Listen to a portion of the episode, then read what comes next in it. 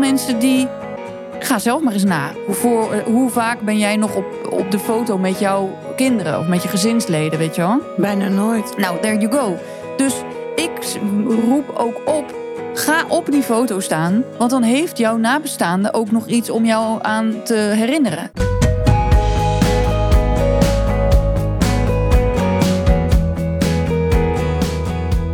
Je partner overlijdt. Hoe ga jij verder in je eentje? In mijn podcast Widow Talk interview ik weduwen en weduwnaars. We praten over alle facetten van ons verlies, de effecten daarvan en hoe we het leven weer op kunnen, nee, moeten pakken. Ook spreken we met bedrijven en andere experts die nabestaanden helpen hun leven weer op orde te krijgen. Met Widow Talk lever ik support voor jou na het verlies van je partner. Welkom, fijn dat je luistert.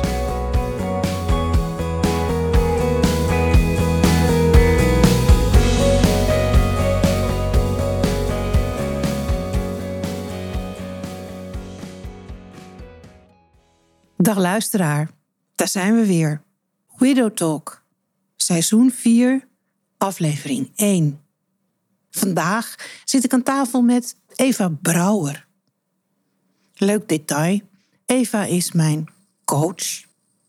En zij coacht mensen om hun verhaal op een mooie manier te vertellen. Om op het podium te shinen met hun eigen persoonlijke, eigenlijk een beetje soort van intieme boodschap. Waardoor ze de luisteraar aan zich weten te binden en zich weten te onderscheiden. Nou, iets wat mij enorm aansprak. Zeker voor mijn eh, andere activiteiten. En nu is het ook zo dat Eva begin, nee, een jaar geleden ongeveer haar moeder eh, heeft verloren. Een dame op leeftijd, maar het blijft je moeder. Eva is zelf ook moeder, dus kent haar eigen verlies, maar ziet ook wat het met haar kinderen doet. Dus daar wil ik graag eens met haar over praten. En Eva heeft ook eh, zelf een hele leidende rol gehad in eh, het afscheid van haar moeder, in de, in de uitvaart, om het zo te zeggen. Kan natuurlijk ook bijna niet anders als je beroep eh, spreken, presenteren en presentatietrainingen geven is. Aan de andere kant, als je persoonlijk betrokken bent, kan het verdomd lastig zijn. Dus ik vind het ook leuk om daar met even over te praten, omdat er ook mensen zijn die het spreken op een ceremonie en de hele organisatie van de ceremonie en het bedenken van hoe of wat juist uit handen nemen. En dat zijn belangrijke vraagstukken waar je voor komt te staan als je de uitvaart van iemand die dicht bij je staat moet organiseren. Dat kan je partner zijn, maar dat kan ook je moeder zijn, of je broer, of je zus. Ehm, dus daar gaan Eva en ik het over hebben. Heb ik het goed gezegd, Eva? Heel goed, zeker. Leuk om hier te zijn. Ja, welkom. Dankjewel. Welkom in mijn podcaststudio voor Widow Talk. Kan jij vertellen, kort, de aanleiding van het overlijden van je moeder en eh, wat dat met je heeft gedaan, hoe je dat hebt ervaren? Nou, het is natuurlijk nooit een reden voor een feestje, maar eh, Nee. hoe ben je daarmee omgegaan? Nou, mijn moeder werd vorig jaar zomer ziek. Tenminste, toen werd duidelijk dat ze eigenlijk ziek was. Ze was al, eh, ik was ik op een, op een verjaardag met mijn moeder en toen stond ze op. En of het nou de andere setting was dan thuis, maar ineens realiseerde ik me. Ik zei, mam, wat ben je afgevallen? Dus ineens viel het me heel erg op en zij zei, ja, ik heb gewoon niet zo'n zin om te koken. En eh, ja, ik heb ook al 40 jaar, ik heb er gewoon geen zin meer in, zo zei ze. Dus, dus ik helemaal nog van die Rudolf van Venen, maaltijdboxen bestellen. Maar achteraf bleek, dat was helemaal niet het probleem. Ze was al ziek en ze had dus alvleesklierkanker, bleek. Na een onderzoek. Dus, dus dat was eigenlijk de eerste aanwijzing. En toen was al snel duidelijk, nou, daar kunnen we niks meer aan doen. Ze was toen al 76 en u heeft nog een aantal maanden te leven. Nou, dat is uiteindelijk drie maanden geworden. Dus eh, we hebben die slechte boodschap, zeg maar, gehoord eind augustus. En 9 november afgelopen jaar is ze toen overleden in een hospice. Ja, dat is heel snel eigenlijk. Ja, dat is absoluut heel snel. En toch kijk ik er wel op terug. Wel verdrietig, maar ook wel met een warme herinnering. Dus kijk, in haar vriendengroep was zij een van de eerste die ging. En elke dag kwamen er bloemen en bezoek en kaarten. Weet je, het was heel bewust, werd er afscheid genomen. We hebben samen ook mooie gesprekken gevoerd. Ik had ook zo'n boek waar je dan vragen kan stellen en dan opschrijven. Oh ja. Dat was Ja. dan, dan interviewde ik haar, dus ik schreef al die boek antwoorden gewoon op. Eh, nog een keer naar museum. Ja, we hebben gewoon alles kunnen zeggen. Dus ik dacht, ja, wat is nou? Er is nooit misschien een goede manier om te gaan, weet je? Maar we hebben, ben je, blijf je achter op je 92ste in je eentje? Of ga je nu met eh, confetti ongeveer eh, gelie- geliefd de deur uit? Ja, omringd ook door Ja. je dierbaren. Ja. Dus ik heb daar, ja, kan ik zelf wel vrede in vinden. Ja. ja, ik vraag me altijd af, hoe ga je ermee om als je weet er, er staat een klok op, zeg maar. Ja, ik denk ook wel toch in, een beetje in denial. Uiteindelijk kan je het toch niet helemaal begrijpen. En het is ook iedere keer een glijdende schaal. Dus eerst kan je nog naar een museum en dan kan dat niet meer. Weet je wel? Dus, maar dan binnen, dan is er dus weer een iets weggehaald. Maar dan in dat, dan denk je toch weer, oh, we hebben een nieuwe status quo. En dan, oh nee, ze krijgt ook ineens pijn. Maar dan wen je daar weer aan en dan is het op medicijnen. En dan heb je weer een nieuwe status quo. En dan, oh nee, ze gaat nu naar een hospice. Maar we zijn nu in het hospice. En het is hier eigenlijk ook. En mijn moeder was ook een heel blijmoedig mens. Dus het was ook van: oh, kijk wat een mooie vogeltjes eh, zag ze dan uit het raam. Dus dan wen je daar ook weer eventjes aan. Een advocaatje bij haar bed. En dan ineens, ze is er niet meer. Dus zelfs in dat proces was ik dan toch een beetje af en toe in een soort eh, illusie dat het niet echt het einde was, snap je? Ja, je, ja, je gaat door en je weet het, Ja, maar aan de andere kant wil je het niet weten. Dus je stopt, dus ook een beetje struisvogelpolitiek. het toch een beetje wel, ja. Ja, Ik ben ja. bang van wel. Ja. En als, ik, als ik heel eerlijk ben, misschien, hè, ik zou zeggen, interview me over vijf jaar nog maar eens. Maar soms heb ik gewoon ook het idee dat ze gewoon nog thuis in Rotterdam zit. Dus dan, dan vraag ik me af of ik het echt al echt realiseer. Of je toelaat al. Ja, dat, is- dat is misschien ook de vraag. ja. Ja, Ja, ja dat weet je inderdaad. eh, als je tegen een volgende issue aanloopt en je denkt van hé, hey, wat is er aan de hand? En je gaat graven en dan kan je zien dat, dat, dat er nog een stuk uitgestelde rouw of wat dan ook achter ja? zit. Zo is die, daar, komt dat vaak voor? Dat komt wel voor, ja. Ja. Klink, Ja. klink ik zo? Ik vind van niet. Oké, oké. ja.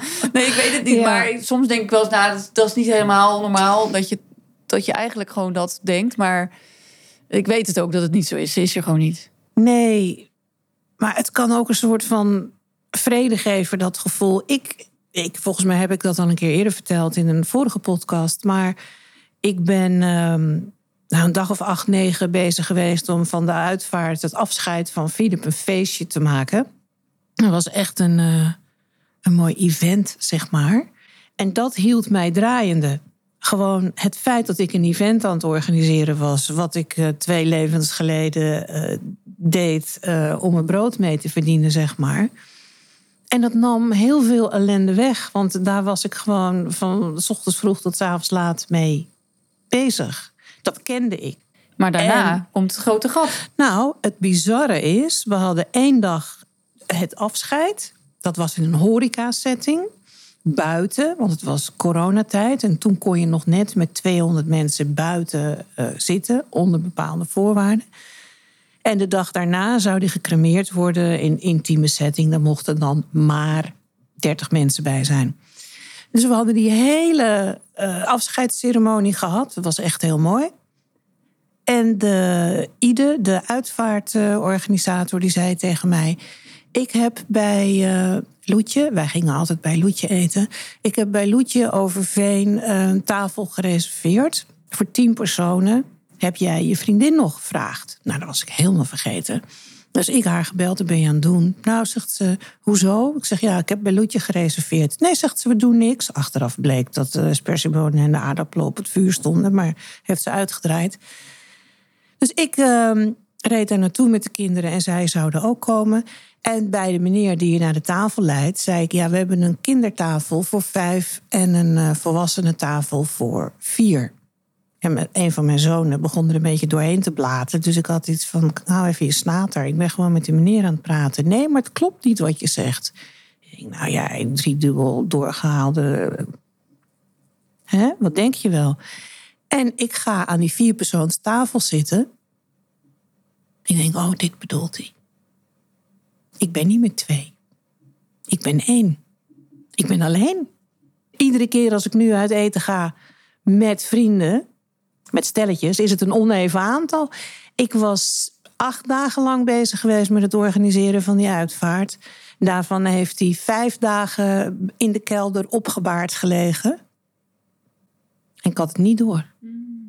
En dat zijn van dat je denkt van hoe, hoe bestaat het? Ja, dat Dus het ook ja. nog niet in je echte leven Nee, eh, is doorgedrongen. Ook omdat ze natuurlijk vaak niet in mijn leven was, omdat, ik, omdat ze ergens anders woont. Dus dan, ja, ik herken. Ik, het is wel een confronterend moment, denk ik, wat je nu beschrijft. Ja, ik, ik stortte helemaal in. En toen Ah. kwamen zij net binnen, Sascha en Alexander. En het was COVID, dus je mocht niet aan mensen komen. Nou, ik ben helemaal doodgeknuffeld Ah. natuurlijk. Ja.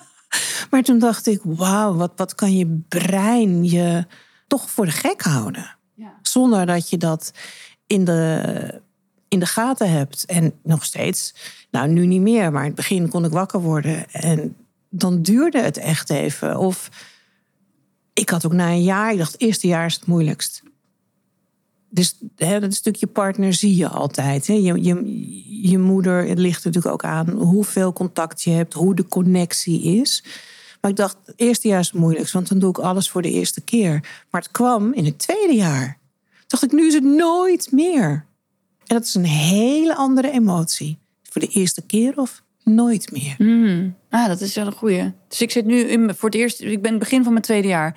Maar ik zal je vertellen, vlak voordat het eerste jaar om was, was ik, gaf ik een cursus en ik was met een klant. En eh, die klant eh, vertelde, ja, ik heb eh, Duits gestudeerd in Leiden. Ik zeg, oh, dat is toevallig. Dat heeft mijn moeder ook. Maar wel natuurlijk jaren geleden, in de jaren zestig. Maar wat grappig, hoor je nooit.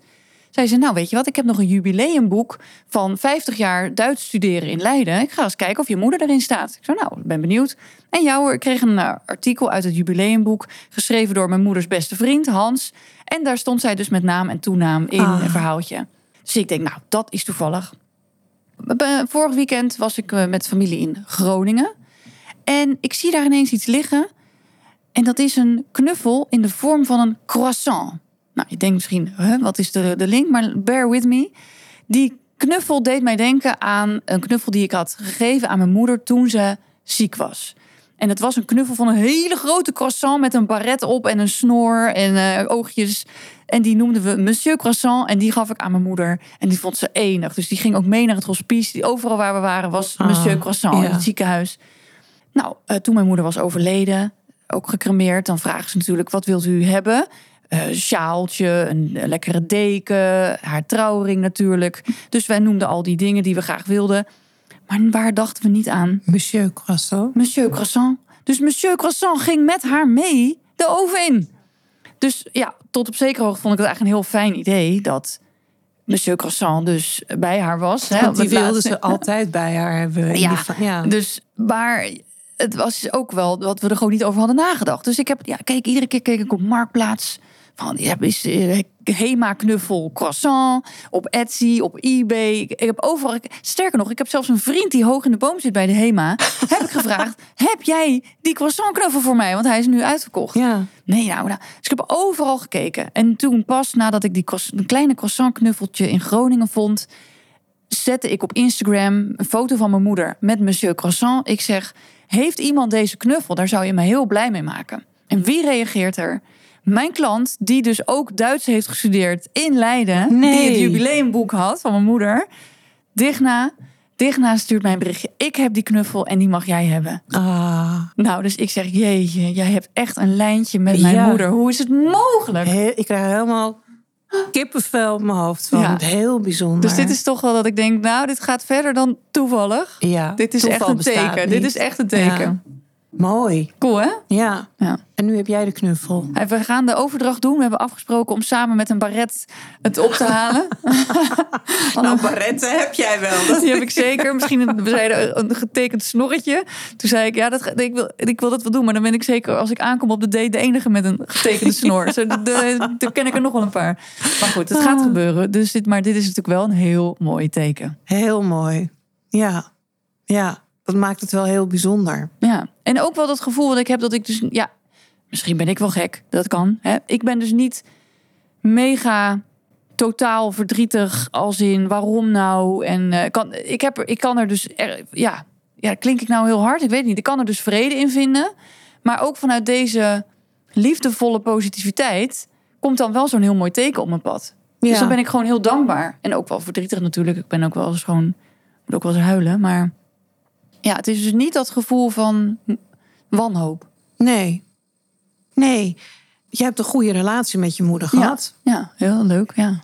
Dat is natuurlijk ook fijn dat je niet allemaal gevoelens van spijt en had ik maar should have, would Ja. have, could have. Hè? En Klopt. dat, dat kan Dat helpt natuurlijk enorm. zijn. Ja. Dus dat helpt. En eh, je vertelde dat in die drie maanden zijn jullie heel bewust met je moeder bezig geweest. Ja. In een eerder gesprek vertelde jij me dat je moeder een van de eerste mensen was in haar vriendenkring die is overleden. Ja. Of die ziek werd, levensbedreigend ziek werd. Dus dat, dat maakte dat mensen ook. Ja, dan zijn ze nog niet afgestompt. Ja, Ik denk dat, ze ook eh, dat geconfronteerd veel- werden met hun eigen sterfelijkheid. Ja, dat is natuurlijk Ja. vreselijk ook. Ja, maar ze gaven dus haar heel veel aandacht ook. Ze kreeg heel veel kaarten en eh, werd gebeld en lieve cadeaus en mooie gesprekken. Of dan kwamen mensen die namen dan foto's mee of uit de studententijd. Of weet je. Dus dat was zo ontzettend lief en, ehm, en waardevol dat je dan dat, dat iemand met zo'n stapeltje zwart-wit foto's aankomt zetten. Dat, dat heb je ook wat om over te praten aan het ziektebed, weet je Ja. wel. Dus zonder dat het al- allemaal meteen heel droevig wordt, heb je, is er ook zo'n heel mooi, mooi moment om dan nog die waardevolle herinneringen samen op te halen. Ja. Ja, en dan. Het lijkt me dat dat als dochter heel fijn is om te zien hoe geliefd je moeder eh, is. Hoeveel moeite mensen doen om haar zich lekker te laten voelen. Ja. Te laten blijken dat ze ondergeven of van haar houden. Dat is zonder meer waar. Kijk, mijn motto is pak je podium. Hè? Dus ik ben inderdaad in het dagelijks leven presentatiecoach. Maar het, motto geldt voor heel veel dingen. Ik heb mijn moeder op in heel veel alledaagse situaties nog gefotografeerd in de laatste drie maanden van haar leven. Dus in dat ze zeg maar een boekje leest in bed of televisie kijken of een eitje eten of nagels lakken. Allemaal totale random situaties. En daar heb ik later, we hebben ook nog een hele chique, poepie chique fotoshoot gedaan. Maar ik heb ook een fotoboek gemaakt van al die ogenschijnlijk alledaagse dingen. En ik heb mijn moeder ook gefilmd. Dus we zijn nog een keer naar de kapper geweest. Nou, dat was maar echt mijn moeders totale lievelingsactiviteit. Dus te gefilmd terwijl ze wordt gefeund. Dat ze iets vertelt over ons ouderlijk huis. Dus dan heb ik ook haar stem nog. Maar nu komt het. Heel veel mensen die Ga zelf maar eens na. Hoe, voor, hoe vaak ben jij nog op, op de foto met jouw kinderen of met je gezinsleden, weet je wel? Bijna nooit. Nou, there you go. Dus ik roep ook op. Ga op die foto staan, want dan heeft jouw nabestaande ook nog iets om jou aan te herinneren. Dus ik ben natuurlijk zelf iemand in your face. Ik bedoel, we zitten hier nu in jouw woonkamer. Ik heb al vier video's van jou gemaakt. Ja, Hè? Terwijl jij ook dan even over een hobbeltje moet. absoluut. Dus, maar het feit dat jij het toestaat, is uiteindelijk ook heel waardevol. En Ja. wij doen het nu voor een zakelijk doeleind. Maar het is ook heel fijn. Stel dat er iets gebeurt, dan hebben we gewoon jouw kleurrijke beeltenis. Ja, voor persoonlijke doeleinden is het. Mijn kinderen zijn op een leeftijd dat ze niet vastgelegd willen worden. Ook omdat ze bang zijn dat ik het dan ga posten. Dus dat, dat doe ik al niet meer, want dat mag absoluut niet. Dan word ik doodgezwegen. Maar dit is een volgende goed, volgend goed argument Ja. eh, naar hun toe. Ja, Want ze weet, mijn kinderen weten natuurlijk hoe snel het eh, gebeurd kan zijn met ja het en, leven. en ik bedoel, heb, je, heb je beeldmateriaal van Philip dat hij praat of dat hij iets vertelt? Wij, wij, hadden, wij maakten geen video's. Oh ja. Ja. Zou je het nu fijn vinden om dat te hebben? Ja, absoluut. Ja. Ja. dat vind ik dus ook heel erg jammer. We hebben dat van de kinderen toen ze jong waren eigenlijk ook nooit gedaan. Het waren altijd foto's. Ja. Hij maakte wel veel foto's en dan maakte hij van vakanties en zo of over een jaar. Maakte die eh, fotoboeken met een impressie. En die gaven we dan aan zijn moeder en aan eh, mijn ouders. En die hadden we dan ook voor de kinderen. Maar bewegende beelden met spraak, die, die hebben we eigenlijk niet. Dus dat is dus ook als je luistert naar deze podcast, ben je er, sta je er zelf op en sta je dat toe dat iemand foto's of video's van jou neemt. En durft daar dus ook over je schroom heen te stappen van, oh, maar ik zie er heel raar uit. Nou, ze zijn straks blij dat je er gewoon uitziet zoals je eruit ziet. Exact. Je hoeft niet in je mooiste pak. Juist die foto's van mijn moeder in haar pyjama vind ik natuurlijk het allerleukst. Ja. Ja, want dat is dierbaar. Ja, Dat is natuurlijk een en heel beetje dichtbij kwetsbaar. en Ja. warm. En ook zoals het echt was voor je intimie, weet je wel. Zoals je haar kende. Ja, dus, dus de luisteraar, sta je er zelf op? En B, wie zou je nu in je omgeving kunnen vastleggen? Gewoon voor de heb. Ja. Ja, nou. Het is eh, binnenkort kerst. Ik weet wat er gaat gebeuren. Ze moeten erop. Ze moeten erop. Ja. Nou ja, dat is ook nog wat. Want dan is voor het eerst mijn eh, nieuwe verkering daar. Dus voor het eerst in die jaren. Dat is de vierde kerst nu.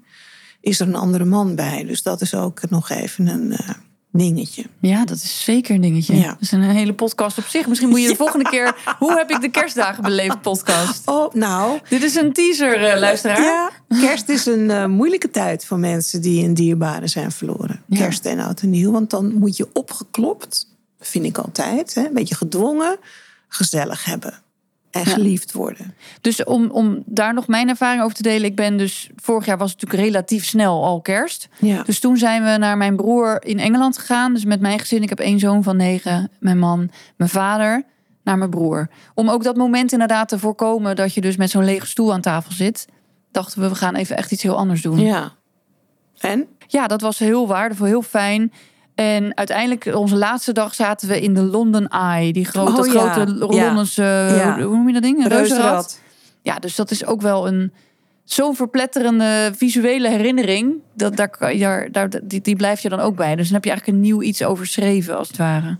Geen lege stoel, maar een reuzenrad. Ja, leuk. Ja, ja. ja, ik heb daarin gezeten. Het geeft een enorm mooie blik over de stad. Ja. We horen het koffiezetapparaat een beetje op de Ja, achtergrond. dus ik denk, dat is mijn moeder. Dat is mijn moeder. Die denkt, ik ga Ja, er even ik voor mee. zitten. Ja. Ik neem een kopje. Ik heb trek. Ja. Ja. leuk. Er wordt over mij gepraat. Mooi. Kan jij iets vertellen over hoe jij de uitvaart hebt georganiseerd en beleefd? Wat je daarin hebt gedaan? Want je zei dat je aardig aan zet was geweest en dat, je daar eigenlijk, dat jij je daar heel goed bij voelde. Kijk, dus ik ben jarenlang ook van beroep dagvoorzitter geweest. En zelfs televisiepresentator. Dus het was voor mij duidelijk dat ik die dienst wilde, aan elkaar wilde praten. En mijn vader en broer vonden dat ook prima. Dus die, die, dat zijn, ook, die zijn ook relaxed daarin. Dus die, wilden, die wisten ook dat het voor mij waardevol was. En dat het ook eh, wat kon toevoegen. Ja. Nou moet ik zeggen dat we in de keuze voor een, een uitvaartverzorger, zeg maar, dat hebben we gewoon helemaal tot op het laatste moment uitgesteld. En mijn vader eh, zei ook, die, hebben- toen hebben we, ze was overleden. En toen pas zei mijn vader van ja, ik wil gewoon eh, de uitvaartverzorger die opa en oma ook heeft gedaan. Dan hoef ik daar niet over na te denken. Dus volgens mij heeft hij dat expres zo uitgesteld dat hij dan daar ook geen keuze meer in had. Snap je? Ja. ja. Dus mijn moeder wilde wel dan iets met wilgetenen. En eh, nou, ze had nog een liedje gekozen. Ze had wel iets over gehad, maar oké. dus dat was al een voldongen feit. Het was eigenlijk een hele klassieke uitvaartverzorger... die dus dezelfde was 25 jaar geleden. Weet je wat, dat Ja. type... Ehm, maar ik wist al wel van, ik wil dus niet zo heel formeel... dat iemand echt zo heel zwaar... zo, dan gaan we nu... Weet je dat, dat, Ja. echt, dat, dat, dat leek me echt verschrikkelijk. Het Ik- standaard idee Ja. eigenlijk wat je hebt. Ja. mijn moeder was wel heel vrolijk, heel enthousiast en ook heel kleurrijk, net als ik zelf. Ik dacht, ik ga ook geen zwart aandoen. Dus ik was gewoon van top tot teen in zilver, met ook zilveren schoenen. Dat ook, dat ga ik ook niet doen. Ik ga, gaan jullie op je hoofd staan? Ik doe niet mee.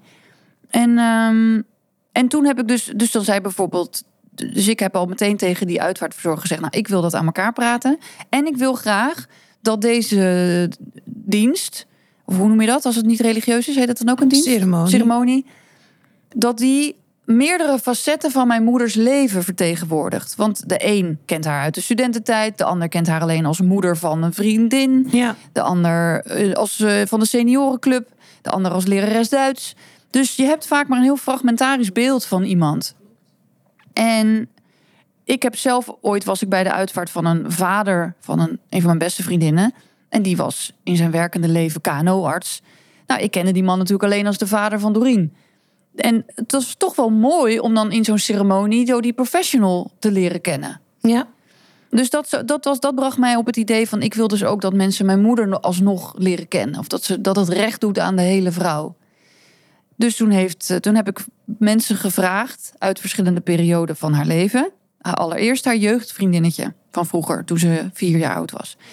Dan krijg je natuurlijk zo'n gesprek. Ja, maar god, eh, er zijn misschien mensen die meer eh, recht hebben tussen aanhalingstekens om daar te spreken. Ik bedoel, ik ben ook niet zo lang met je moeder opgerucht, weet je wel. Dus die wilde zich heel bescheiden opstellen. Maar ik zei nee, ik wil echt dat jij dat bent, want ik wil graag dat beeld zien voor mijn ogen. Ja. Hoe was mijn moeder als kind?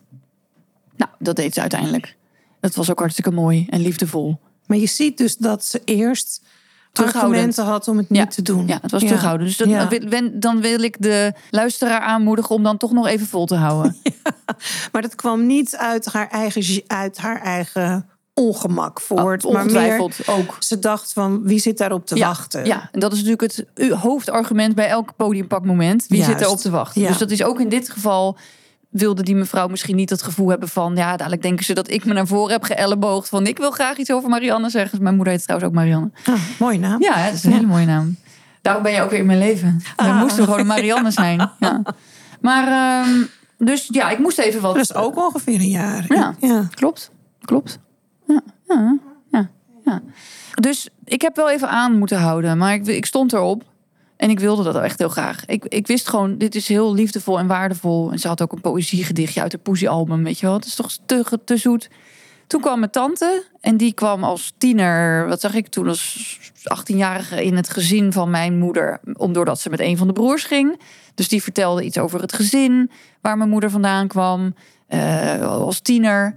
Toen kwam die beste vriend, die Hans, die ik net al noemde, van de studie Duits. En tussendoor had ik dan ook steeds een muziekje, wat ook een beetje paste bij die periode. ja. En mijn vader had dan ook wel duidelijke voorkeur voor bepaalde muziekstukken. Dus dat, dat was ook een soort eh, co-creatie. Maar bijvoorbeeld na Vriend Hans. Toen had ik een lied van Hildegard Kneef. Een soort Duitse chansonnière. En dat was een lied uit 1968, dus echt die studententijd. En dat was dan zo'n liedje dat... Für mich zoals rote rozen regnen. En dan, dat was echt zo'n krachtig lied. Ja. Kwam echt binnen. Och, oh, maar het was, het was prachtig. En dat liedje ging dus ook echt over dat je ook trots mag op zijn op jezelf. Nou, en dan ging ik dat inleiden van toen mijn moeder ging studeren in Leiden. Dat was weg van een gezin wat met een best wel dominante vader. En ze beschrijft dan dat ze voor het eerst fietste, zelfs s'nachts uit naar een feestje, jas open, haren in de Vrijheid. wind. Echte Ja. vrijheid. Voor het eerst echte, echte vrijheid. Zo, en nu ben ik aan de beurt. En dat, weet je, dat vertelde ik dan ook in zo'n heel klein tussenstukje. Ja. En dan liet je foto's, dat deed die uitvaartverzorger dan, zo'n Ja. carousel, weet ja, je wel. Ja, ja. En dan, eh, dus, en om even weer een klein praktisch voorbeeldje te geven, dan zeggen die, die uitvaartverzorger zei, ja, dan wachten we tot eh, de spreker helemaal is teruggelopen naar zijn stoel en dan zetten we de muziek aan. Hup, Meteen. die muziek, bam, bam, bam. Je wil meteen die flow in het event Ja. hebben, hè? dus je wil niet zo'n awkward stilte. Nee, dat wil je niet. Dus ook hiervoor geldt, weet wat je wil. En laat je dus niet zomaar iets aanpraten. Maar bedenk dat er ook meerdere Ja. opties zijn waar je dus zelf invloed op hebt. de uitvaartondernemer kan bedoelen, dan is er even een moment dat mensen zelf hun gedachten kunnen ordenen. En dan ga je ze alweer leiden met een stukje muziek. Ja. Maar je kan ook zeggen, de muziek Ja, sluit heel mooi aan op wat gezegd is of wat gaat komen. juist. Dus middels de muziek neem je mensen weer mee. Ja. En dan kunnen ze nog steeds hun eigen mijmering hebben. Ja. Maar dat is een verschillende manier van ergens tegenaan kijken. En het gaat er mij dan over dat, het- dat het dan in ieder geval de manier is zodat jij je er prettig bij voelt. Ja, Dus dat je weet dat die optie er is, überhaupt. ja mooi. Ja. Dus, Hoe- eh, Hoe was het voor jou om te doen? nou, ja, ik zat echt totaal in de professionele modus. Dus ik denk dat ik. eh, Mijn eventmodus, eh, Ja. zeg maar, maar dan jouw Ja. eh, Dus, presentatiemodus. dat was echt. eh, ik denk dat ik gewoon eigenlijk. eh, Ja, ik weet het niet. Ik denk niet dat het voor een andere niet normaal is. Dus ik, ik was in meer in een standje, standje aan en eh, ook nog grappen maken. Nou ja, het was, natuurlijk niet een dijenklets of zo, maar wel... Ja, maar humor is een belangrijk kopingsmechanisme Ja. ook. En jouw moeder had ook wel humor, Ja, denk ik. zeker. Dus ja, Ja, dat mag ook, hè? ja. Nou, Mensen denken zo. dat je alleen maar mag huilen of, of, of, of verdrietig moet zijn. Verdriet moet absoluut zijn plek kunnen hebben. Maar net zo goed als dat humor zijn plek Ja. moet kunnen hebben. Nou, ik denk dat het ook hier is jezelf toestemming geven dan. Want ik bijvoorbeeld toen ik bevallen was, ging ik drie weken later weer mijn eerste dagvoorzittersklus doen. En dat toen was weliswaar op fietsafstand. Dus had ik echt zo'n Bridget Jones onderbroek aan. En nou, ik voelde echt alsof ik gewoon zelf herboren was. Zo van wow, grachten, wow, lichtjes, wow. En, maar ik vond het zelf ook heel gaaf om, en fijn om even weer mens te zijn. Behalve een wandelende, lekkende tiet. Ja. Dus, dus ook hier Ja. maakte ik misschien een keuze die een ander niet zou maken. Maar ik heb ook, nou, wat dus ook bizar is, is dat ik dus twee klussen heb. Ik heb dus de, de, de ja, ik bedoel, dit is gewoon eerlijk. Ik heb de uitvaart van mijn moeder gedaan op woensdag. Op dinsdag heb ik nog in een sprekersklus gehad en op donderdag ook. Zo. Ja. En die, die op dinsdag ging echt geweldig. En niemand, overigens wist, wist niemand het ook. Ik, heb het, ik dacht gewoon, ik, over, je, hebt, je hebt wel eens gezegd over compartamentaliseren. Nou, Ja. dat heb ik echt gigantisch gedaan. Ja. Dus ik heb die dinsdag echt geshined. Die donderdag was wel moeilijker. Dan heb ik het alsnog gedaan. Maar toen was ik wel een beetje eh, Ja, over, dan- mijn, dan ben over je- mijn grenzen. Aardig leeg. maar toen was mijn eh, elastiekje wel opgerekt. Ja, Ja. Maar wel gedaan. Wel gedaan. Jouw kennende was het nog steeds goed. wel gedaan. Maar ja. het kostte je meer energie. Moest meer uit je tenen komen. Ja. ja, ja. Het is ook wel een beetje veel. Het was achteraf, het was wel veel. Maar ik, dat was, het was gewoon echt de belangrijkste klus van het hele jaar. Die ik ook gewoon wilde doen. Ook omdat ik het leuk vond. Dus niet alleen omdat ik dacht, niet uit angst of van, oh, anders heb ik geen geld. Daar ging het niet over. Het was gewoon meer van, eh, het was niet eens een vraag. Het was gewoon, ik ga het gewoon doen. Ja. Ja. Ja, mooi is dat. Ik had dat met eh, het overlijden van Philip. Wat toch ook aardig onverwacht was na drieënhalve week ziekenhuis en een open, hartoperatie. Is natuurlijk altijd risicovol, maar er is nooit gezegd. eh, we houden rekening mee. Er is een grote kans dat. Er is wel even gesproken over. Als het fout gaat, want dat kan altijd. Hoe zit het met reanimeren? Hoe is het met, eh, wil je leven als een kastplantje, ja of nee? Hè? Dat, dat soort dingen komen dan allemaal eh, ter sprake. Maar dat was meer theoretisch. Dus toen het opeens zo was, was dat een hele grote verrassing voor ons allemaal. Dus daar ben je dan even van het bijkomen. Maar voor mij was het ook meteen duidelijk dat ik ging praten. En dat ik ook aardig eh, mee aan zet was in de organisatie. Ik had ook een hele fijne uitvaartorganisator die daar heel actief in was. En ik wilde gewoon een mooi feest.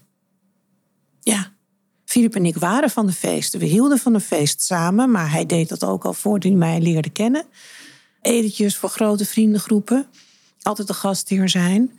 Mensen uitnodigen op zijn boot of eh, wat dan ook. Dus het stond voor mij buiten kijf dat dat zo zou gebeuren. Dus we hadden hè, een event met ja, een kleine 200 man. Werd gestreamd ook nog eens een keer. Omdat vanwege COVID konden mensen niet reizen. was heel vervelend, want veel familieleden in Amerika en in Israël. En eh, Australië, nou eigenlijk overal. En enerzijds was het heel verdrietig en anderzijds was ik in mijn element. Want ik kon iets heel moois voor hem neerzetten. Hij liep altijd in korte broek. Oh ja? Maakt niet uit. Oh ja? Winter, geen winter. Hij ging altijd in korte broek de hond uitlaten. Gênant. en eh liefst dan ook nog op een stel crocs. Nou ja, echt. Werkelijk. Maar... ehm, dus we hadden ook op de kaart gezet dresscode Philip style. Want toen, toen had je Gangang style. Dus dat was Philip style. Korte broek. Oh echt? Ja. Wat heerlijk. Oh, Ja. geweldig. Ja. Wanneer was het in het jaar? Eh, september. Oh, dat kon ook wel. Ja, het kon wel. Het was heel warm geweest. En die dag was het juist wat minder warm. Dus er zaten ook wel wat mannen met eh, kippenvel op de kuitjes. ja. En hadden, hadden jouw zoons ook een korte broek? Eh, vol, ja, ja, ja, ja. Ja, ik, En, je klampt je ook ergens aan vast. Het geeft je gewoon iets te doen en het geeft Ja. afleiding en je kan iets, toch iets moois doen. Dus ja, in plaats van sikkepitten. eh, Dus Ja. ik snap het wel. Je kan hele leuke dingen doen. We hadden de kist, was paars. Hadden we paars laten spuiten met oranje handvatten. Dat waren twee kleuren die veel in ons huis eh, voorkwamen. Dus ja, je, en neem je het dan niet serieus? Nee, je neemt het uiterst serieus. Je doet alleen iets in de stijl van de persoon die, eh, die weg is gegaan. Ja. En waarmee je, waarvan je weet dat die persoon dat mooi gevonden zou hebben. Nou, dat zou jouw moeder ongetwijfeld ook. Ik heb ook gesproken. Ik had wel van tevoren een valiumpilletje gehaald bij de dokter. Omdat ik dacht, ja, ik weet niet. Dat heet tegenwoordig geen Een valium soort meer. beta-blokker of hoe Ik, weet niet hoe die dingen heten. Want ik slik ze gelukkig normaliter niet. Of normaliter niet. Nee, je zei het goed, normaaliter. Oh, zei ik het Ja, wel ja, goed? ja. Nou, dank je. Nou, dan weet ik eindelijk hoe ik dat uit moet spreken. Kijk, daarvoor heb je nou weer een presentatiecoach. Want die kent ook de woorden. Hoewel, ik heb jou compartimentaliseren Ja. nog eens even. Keurig. Je moet dat ook gecompartimentaliseerd uitspreken. Ja. Ja.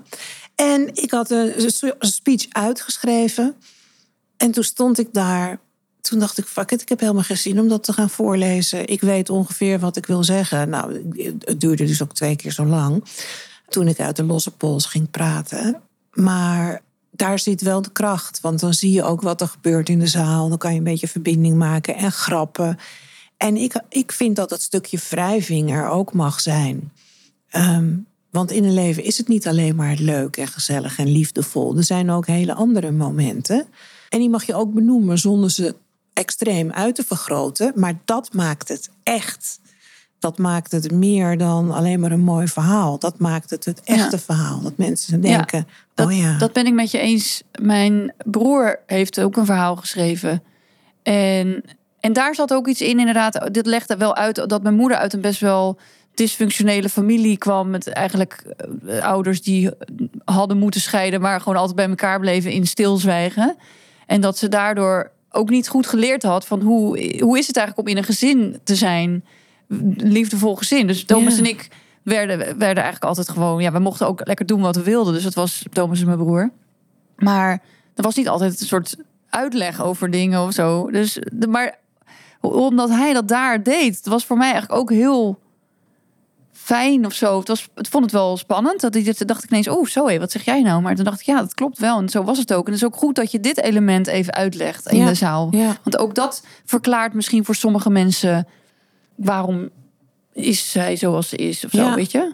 Nou, door deze opzet gaf je mensen natuurlijk een heel allround Ja. beeld van je moeder. In plaats van de stukjes van haar leven waaruit zij ze, haar, je moeder kende. Ja, en het was alsnog heel liefdevol. Het was niet. Ja. eh, en we eindigden met de Schöne Blauwe Donau. Want dat was mijn, eigenlijk mijn moeders lievelingsmoment van het jaar. Het nieuwjaarsconcert. Het Weense concert. eh Weense nieuwjaarsconcert. Eh, dus we eindigden dan met zeven minuten lang. Oh. Fantastisch. En dan, eh, daar, daarmee liepen we dus langs de kist. Wij bleven dan als laatste natuurlijk Ja. over. Maar ook dat was dus helemaal eigen. Helemaal echt wie is zij? Wat vindt ze Ja. nou echt het allermooiste wat er is? Ja. Mooi. Ja. Heel leuk om te horen. Ik heb, eh, nou een week geleden, ja, is een week geleden, heb ik eh, een opleiding gedaan bij Manouche Bouwman tot eh, uitvaartspreker. Geweldig. Hoe was het? Waanzinnig boeiend. Ik kreeg ten eerste die cursus privé omdat de mensen die zich ook hadden ingeschreven, dat was blijkbaar een clubje of mensen die, die op de een of andere manier bij elkaar hoorden, die hadden gezegd dat ze liever naar een andere datum wilden en dan op een locatie van hun, blijkbaar. Dus ik bleef als enige over. Dus ze belde mij en ze vertelde dit. Ik dacht, nou, ze gaat afzeggen.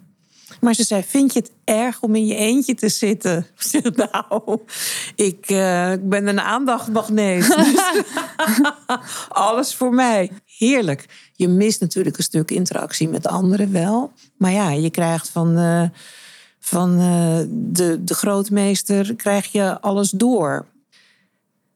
Heel erg interessant. Stiekem had ik het gevoel, ja, maar ik praat makkelijk. En ik heb al aardig wat uitvaarten meegemaakt. En de uitvaart van eh Philip heb ik eh, samen met Ide een, een, een, een mooi event van gemaakt. Dus ik weet het eigenlijk wel. Maar ik doe het Eh, om een beetje te horen wat verwacht de uitvaartorganisatie van mij. Want de, de uitvaartorganisatie neemt de uitvaart aan, maar het stuk ceremonie doe jij dan als uitvaartspreker of woorddienstbegeleider. Ritueel begeleider, je kan er van alles bij eh, bedenken. En ik weet best wel veel, maar ik wist lang niet alles. En het is heel fijn om dan uh, van iemand te horen die ook een beetje is zoals ik. Ook, uh, die houdt ook van buiten de lijntjes kleuren en mooie dingen uh, neerzetten. En noem eens één ding wat echt een eye-opener was. Nou, wat zij tegen mij zei, is dat um, je verhaal moet eigenlijk niet langer zijn dan vijf minuten. Want op zo'n uitvaart zitten mensen met zoveel dingen in hun hoofd. Ze krijgen zoveel indrukken. Langer is niet oké, want dan gaan ze wegdromen in hun eigen gedachten die binnenkomen. Dus houd het steeds in blokjes van vijf minuten. Ja, dat, heb ik, dat, dat is toevallig. Ik heb dus geen cursus gehad maar van haar. Maar ik heb de sprekers allemaal gevraagd, ook vijf minuten. En zelf deed ik dan heel, heel kort tussendoor even een paar minuten de inleiding naar of de volgende spreker of de volgende muziek. Ja, ja. ja dus dat. En ook uh, de opbouw van de, van de verhalen. Hè? Dus eerst even de algemene omschrijving. Omdat er natuurlijk mensen in de zaal zitten die niet bij de intimie horen. Dus die denken, ja, maar hoe, hoe is ze dan doodgegaan? Oh, ja. En wat is er dan precies ja, gebeurd? Dus benoem dat meteen even bij het begin. Want dan kunnen mensen dat uit hun hoofd zetten. Want anders zijn ze de hele dienst bezig van. Ja, maar hoe dan? Wat dan? Uh, wat speelde er? Ik weet dat ze er niet meer is, maar. En uh, iedere vijf minuten heeft dan het eigen themaatje. Hè, een stukje uh, kindertijd, een stukje werkende carrière, werk, carrière, verliefd worden iets over als ze kinderen heeft of oma is geworden, daar iets over vertellen. Zodat je nog wel even terug kan grijpen, hè, dat is de, de rode draad. Maar daar heel mooi een opbouw in hebben, zodat je in vier of vijf tekstblokken een heel breed beeld schept van de persoon. Ook ja, omdat iedereen waarschijnlijk iets nieuws hoort. Ja, ja, dat, uh, dan heb je het denk ik ook goed gedaan. Ja. Als er toch weer ja. een soort verrassend elementje bij komt van... oh god, dat wist ik eigenlijk niet. Ja. ja. ja. En dan denk ik dat, uh, hè, dat, dat weet jij ook heel goed, dat, je, dat, dat storytelling dan ook heel goed helpt. Dus exact. niet een soort algemeen. Kijk, je kan iets heel algemeens. Ja, uh, ik zeg dan even, mijn moeder Marianne was echt een liefhebber. Was echt een teamplayer. Ik zeg maar wat. Maar dat woord aan zich zegt niks. Zeg, nee. Dus pas als je een, een soort anekdote erbij geeft waaruit dat blijkt, dan is het voor veel meer mensen ook duidelijker en leuker om naar te luisteren. Klopt. Boeiender. Het hoeft niet ja. altijd leuk te zijn, maar wel boeiender. Nou, het, het, ja, het vraagt de aandacht. En het ja. gaat meteen ook weer uh, waarschijnlijk uh, associaties geven. En je ziet het uh, meer voor je. Ja, ja, het is beeldend. Kijk, ik had het natuurlijk net over van ik heb het zelf gedaan. En misschien zijn er mensen die luisteren die denken van nou, dat, oh, dat, dat zie ik ook zitten als mijn als dierbare gaat. Maar ik denk dat er misschien een meerderheid is die dat echt vreselijk zou vinden. Ja. Als je het al in het dagelijks leven eng vindt, laat staan dat je dat bij je dierbaren moet doen. Dus dan zou ik zeker adviseren om iemand in te huren die je daarbij helpt. En die ook dus karakter geeft aan die uitvaart. Die je ook maar één keer goed kan doen natuurlijk eigenlijk. Nou, dat is het het is ook dat jij gewoon als nabestaande, of niet gewoon, dat jij als nabestaande op je stoel kan gaan zitten. Ja. En alles over je heen kan laten komen. En ervan kan, ja, genieten is een raar woord. Maar eigenlijk is dat het wel. Want vaak is het toch een ode aan de persoon ja. die daar ja, in de kist ligt. Ja, la, laat het een ode zijn. Ja. Dat is misschien nog, nog, mag nog meer misschien een uitnodiging zijn. In plaats van dat het een soort voor, dat je je in een formeel hokje laat duwen. Gun jezelf dat het een ode mag zijn aan degene die daar ligt. Klopt. Mijn vader, met wie ik helaas uh, zeker de laatste jaren van zijn leven een uh, slechte relatie had en die ik ook eigenlijk niet meer zag, die had een katholieke uitvaart. Ik mocht me er niet mee bemoeien. Mijn broer had alles geregeld. Nou ja, dat was katholiek. Er stond een, uh, een priester op het podium, zeg maar. die stond wat eh, te praten en te prevelen. Ik weet niet eens of de naam Bert genoemd is, zo heette mijn vader. Maar er was eigenlijk niks persoonlijks. En ik vond het vreselijk. Natuurlijk vond ik het sowieso vreselijk, omdat ik mijn vader dus al jaren niet had gezien. En eigenlijk niet wist wat ik fout had gedaan. Dus dat was een beetje mijn eigen ding. Maar ik dacht, wat is dit koud? En misschien had mijn vader het wel zo gewild, want de godsdienst en het katholicisme was voor hem heel erg belangrijk. Dat heeft hem ook veel kracht gegeven, want hij is opgegroeid met een, grote lichamelijke handicap. Maar ik werd er heel verdrietig van. Ik dacht, nou, dit is het. Niemand die zelf het woord nam en even een persoonlijk verhaal deed, maar de priester ook niet. Dat was gewoon een standaard, uh, standaard mis eigenlijk. Mis, mis. Ik vond het een gemiste kans. Want mijn vader, ondanks alle toestanden die wij uh, hadden, was een mooi mens. Ook een heel lastig mens. Voor mij dan en voor zijn dierbaren. Maar hij was een mooi mens en heeft voor heel veel mensen wat mogen betekenen. En dat kwam eigenlijk te weinig terug. Het kwam helemaal niet nee, nee. terug. En jij, dus als mensen dat luisteren, als iemand luistert en die denkt van ik, ik zou dat graag uit handen willen geven, als mijn dierbare, als ik die daar afscheid van moet nemen, dan zou jij dat kunnen doen? Ja, dat kan ik doen. Ja. En mensen kunnen mij privé benaderen. Hè? Dat uh, als je met een uh, wat, wat kleinere uitvaartorganisator uh, werkt, die doen vaker het. Nee, dat zeg ik het verkeerd. Als je met een kleinere uitvaartondernemer werkt, dan zeggen die vaak: Nou, het aan elkaar praten doen we niet. Dan kan je met iemand samenwerken. En dan hebben ze een aantal mensen in de portfolio. Maar dan kan je ook zeggen: Nou, ik, ik wil die. Dan, ja. kan je, dan kan je zelf eentje opzoeken. Maar je hebt natuurlijk maar heel korte tijd om dat allemaal te regelen. Want het moet heel snel. Ja. Maar als je bijvoorbeeld met een partij als Dela werkt. Die zijn dit ook steeds meer aan het promoten. En het grappige is in het zuiden en in het oosten. En uh, ik hoorde van mijn nieuwe verkering, Johan, die uit, uh, nou ja, nieuw is alweer 4,5 maand. Het begint alweer erg lang te worden. nee, maar uh, die komt uit het noorden, uit Friesland daar werken ze het ook mee met woorddienstbegeleiders of uitvaartsprekers. Maar in het Westen is het nog heel ongewoon. Oh ja? Nou, en Je zou denken dat de havermelk-elite altijd voorop loopt. Raar hè? ja, misschien omdat mensen hier meer gebekt zijn en vinden dat ze het zelf moeten doen. Ik heb geen idee. En wat is denk je de meerwaarde als... Want misschien voelt iemand wel de verantwoordelijkheid om het zelf te moeten doen. Ja. Maar wat zou de meerwaarde zijn, denk jij, om het iemand anders te laten doen? Om het jou te laten doen? Omdat die persoon het brede verhaal kan vertellen zoals jij dat op dat moment niet kan. Het geeft je stress. Uh, vaak omdat je denkt, ja, het moet, het moet. Ik hoor dat te doen als oudste zoon. Of ik hoor dat te doen als oudste dochter. Of, of... En je kan natuurlijk wel de verhalen van die kinderen bijvoorbeeld integreren in het. Ja, dat doe jij dan. Ja. Je vertelt ja, hun verhaal. Exact. Dus als uh, ik dat doe, dan zit je met een heleboel mensen aan tafel. En dan, uh, nou ja, de mensen die, ze, die zich daar dan toe geroepen voelen. En dan vraag je aan iedereen input. En dan wordt het een heel mooi breed verhaal. Maar wat ook kan, is dat sommige mensen zeggen: ja, maar ik wil wel praten. Dat kan ook. En dan kondig je ze gewoon aan. Dan kondig je ze aan, maar dan weet je al waar ze het over gaan hebben. En dan kan jij ervoor zorgen dat de thema's die de mensen gaan bespreken duidelijk zijn en bij elkaar passen en mooi gematcht zijn. Wie gaat wanneer? Hoe pas jij jouw verhaal daarop aan? En je kan ze ook een eindje op weg helpen met het schrijven exact. van het verhaal. Ja, ja, dat kan ook. Je kan ze een beetje sturen, je kan ze een beetje coachen. Je doet ook de muziek, neem je ook met de mensen door. Dus dan kijk je bij welk verhaal past welke muziek. Hoeven ze er zelf niet meer over na te denken. En een uitvaartondernemer neemt daar in principe minder tijd voor. Ja. En jij als uitvaartspreker zit er alleen maar om over de ceremonie te praten. Dus de mensen krijgen wat dat betreft heel veel extra.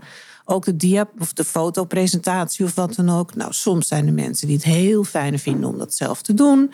Maar dan ga je toch kijken, loopt dat allemaal vloeiend? Hoe zit het met de achtergrond? Uh, is het dezelfde presentatie die iedere keer draait? Of doen we thematische presentaties die, die een beetje passen bij, uh, bij het thema. Dus je. Ja, dat hadden wij ook. Ja, dus kindertijd, tienertijd, studententijd. Ja. En dan, daarna komen de jaren negentig uh, grote schoudervullingen. Ja. voorbij.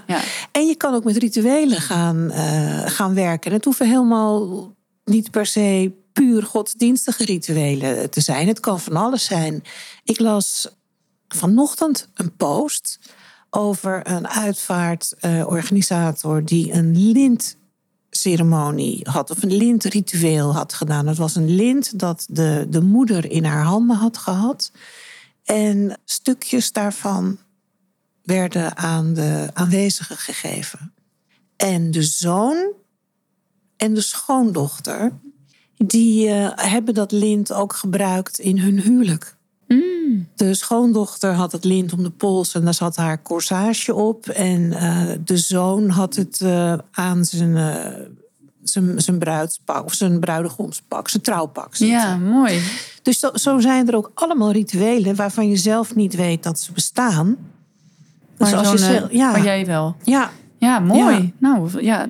Dus ehm, ik denk, wat iemand ook besluit... en misschien als je luistert is het ook nu niet 1, 2, 3 aan de orde... maar dat gevoel van dat je er zelf invloed op hebt... en dat je ook iemand misschien kan vragen om... Het, dat wat jij in je hoofd hebt eruit te kunnen halen. Want Ja. anders komt het er misschien niet zo uit zoals je had gehoopt. Ik denk dat dat wel een heel fijn eh, gevoel is. Dat je daarop kan leunen. klopt. En soms worden dit soort mensen dus al ingeschakeld bij leven nog. Ah. Ah. Want er zijn natuurlijk ook mensen, nou, zoals jouw moeder eh, wist, ik heb nog een paar maanden te leven. Zo zijn er natuurlijk eh, best Ja, wel ja. aardig wat mensen die weten, ik ga overlijden. En die zelf een stukje regie willen hebben. Dus dat heb ik ook wel begrepen, dat dat gebeurt. Dat mensen bij leven zeggen, nou, ik wil dit, ik wil dat, ik wil dat dat meegenomen wordt, de zus verwerkt. Kunnen ze ook nog aangeven, ik wil graag dat die en die spreekt voor me. Maar dan kan je al een soort ja, een draaiboek maken bij leven. En desnoods foto's uitzoeken. En dat maakt natuurlijk dat je ook weer op een andere manier eh, je verhaal doet. ja. Kan het nog persoonlijker zijn. Dus de luisteraar, ja, een, een, een- hè, de ene luisteraar die heeft net een partner eh, begraven. Dus die denkt, nou, dit of gecremeerd, dit komt te laat, hier heb ik niks aan. Of ik ben blij dat ik het op mijn manier gedaan heb. Kan natuurlijk ook. Maar dan geldt het nog steeds voor andere Of voor jezelf. sterf- ja, voor jezelf of voor andere sterfgevallen in je omgeving. Dat je weet wat de mogelijkheden zijn. En dat is natuurlijk überhaupt wat we met Widow Talk willen, willen aangeven. Welke mogelijkheden zijn er allemaal om om te gaan met het concept... mijn partner is overleden en hoe ga ik verder... Ehm, maar ook om je voor te bereiden op nieuwe sterfgevallen in je omgeving. En hoe je dus kan leren van eh, het sterfgeval dat je zelf achter de rug hebt, zeg maar. Zelf ervaren hebt. Ja. Boeiend, Eva. Heel mooi. Dankjewel. Is er nog iets wat we niet besproken hebben, wat je nog kwijt zou willen? Ik zou vooral willen zeggen dat je dus jezelf toestemming mag geven om het op jouw manier te doen. En dus pak je podium, laat jezelf zien, gun dat de ander jou mag zien, zodat je altijd iets van jezelf kan laten zien wanneer het nodig is, of van jouw dierbaren. Ja, ja dat is heel mooi. En nog, nog even een, een, een laatste vraag. Ja, hè, je hebt dat natuurlijk in nauw overleg met je vader gedaan. Je vader was eh, blij? Ja, Ja. niet, niet blij Eh, de vrouw va- eh, was is, overleden eh, natuurlijk. Nee, nee, maar, maar... mijn vader is sowieso niet super emotioneel naar boven of naar beneden. Hè? Dus hij is gewoon vrij stabiel. En eh, hij vond het eh, prima. En ik heb ook overlegd van je pa, papa vindt het goed als ik die klussen doe. Dat vond hij ook goed. Dus hij liet mij het ook op mijn manier doen. ja, Dat was ook fijn. ja, Ja, Ja, het gaat mooi. goed met hem. ja, nou, dat is ook belangrijk. Ja, Ja. Dankjewel. heel graag gedaan. Boeiend gesprek weer. Vond ik ook. Altijd leuk hoe dat eh, gaat. Nou, luisteraar. Mijn gesprek met Eva bracht je misschien op een pad wat je niet meteen eh, had verwacht. Maar we zijn van eh, het overlijden van haar moeder en hoe het weten dat zij nog maar een aantal maanden te leven heeft, enerzijds heel verdrietig is, maar anderzijds ook kan helpen om op een mooie manier afscheid eh, te nemen. Eh, heel veel aandacht te geven, alle dingen te zeggen, uit te spreken, nog een keer her te beleven voor zover mogelijk. Dus dat kan een situatie zijn ja, die je ten volle kan, eh, benutten, hoe verdrietig het ook is. Want dat blijft natuurlijk het, uh, het uitgangspunt. Ik weet ook niet wat beter is. Alles heeft natuurlijk zijn plussen en zijn minnen in zo'n situatie. We hebben gesproken over hoe Eva zelf de regie heeft genomen over de uitvaart van haar moeder. Omdat ze presentatiecoach is, wist ze precies hoe ze het uh, wilde hebben. En dat heeft ze heel mooi geregeld. Op een manier waarmee ze aan zichzelf recht deed, maar ook aan haar moeder. En we hebben het er ook over gehad dat dat niet altijd een makkelijke klus is, omdat je vaak geleid wordt door emotie en door de gevoelens van moeten. Terwijl het ook heel fijn kan zijn om dingen over je heen te laten komen. En uh, het op grove lijnen, grove lijnen te organiseren. En verder op je stoel te gaan zitten. En de uitvaart te beleven zonder dat je loopt te stressen. Van oh, maar zometeen moet ik op, zometeen moet ik op. En als mensen dan met jou willen werken, waar moeten ze dan kijken? Spraakmakend Marianne. .nl? .nl. Ja, dankjewel. Ja, daar mogen ze dan kijken. Uh, de, daar, staat het, uh, daar staat het verhaal in grove lijnen op. En ze kunnen altijd bellen om dat nader te bespreken. En wat ik nog wou zeggen, als mensen zeggen van ik wil toch spreken, maar ik vind het eng, dan kunnen ze het beste als een van de eerste gaan. Want dan heb je het gehad en dan kan je daarna zitten en ontvangen. Want door de emotie gaat er al veel langs je heen. En als je dan uh, ook nog je zorgen maakt over je eigen optreden, dan is dat heel erg jammer. Het gaat om een stukje ontzorgen en warmte. Wat je mensen kan bieden op deze manier. Niet iedereen wil dat, is niet voor iedereen weggelegd, hoeft ook niet. Niet iedereen ziet eruit als de paradijsvogels en uh, de flamingo die uh, Eva en ik zijn. Dat hoeft ook helemaal niet. Maar het is goed om te weten dat het bestaat en dat je er je voordeel mee kan doen. En uh, Eva, zoals jij het zegt, klinkt waanzinnig mooi. Ja. Dankjewel. Mooi gedaan. Dankjewel voor het delen van je verhaal, voor je openheid. Dank je. Dag luisteraar. Tot de volgende keer. Dank voor het luisteren naar deze aflevering van Widow Talk. Op de website widowsandwidowers.nl, zie de link in de show notes, kan je meer informatie vinden over onze support voor nabestaanden. Daar zie je wat we met widowsandwidowers.nl allemaal doen. Onze activiteiten, blogs, shop en ook een overzicht van onze eerdere Widow Talk afleveringen. We horen graag je feedback via mail en social media. Vergeet je niet je te abonneren op Widow Talk, zodat je geen aflevering mist. Geef je ook nog even een review of een rating zometeen. We stellen het ook heel erg op prijs als je Widow Talk wil aanbevelen bij mensen waarvan jij denkt dat ze er behoefte aan kunnen hebben. Dank je wel. Stay tuned. Tot de volgende keer.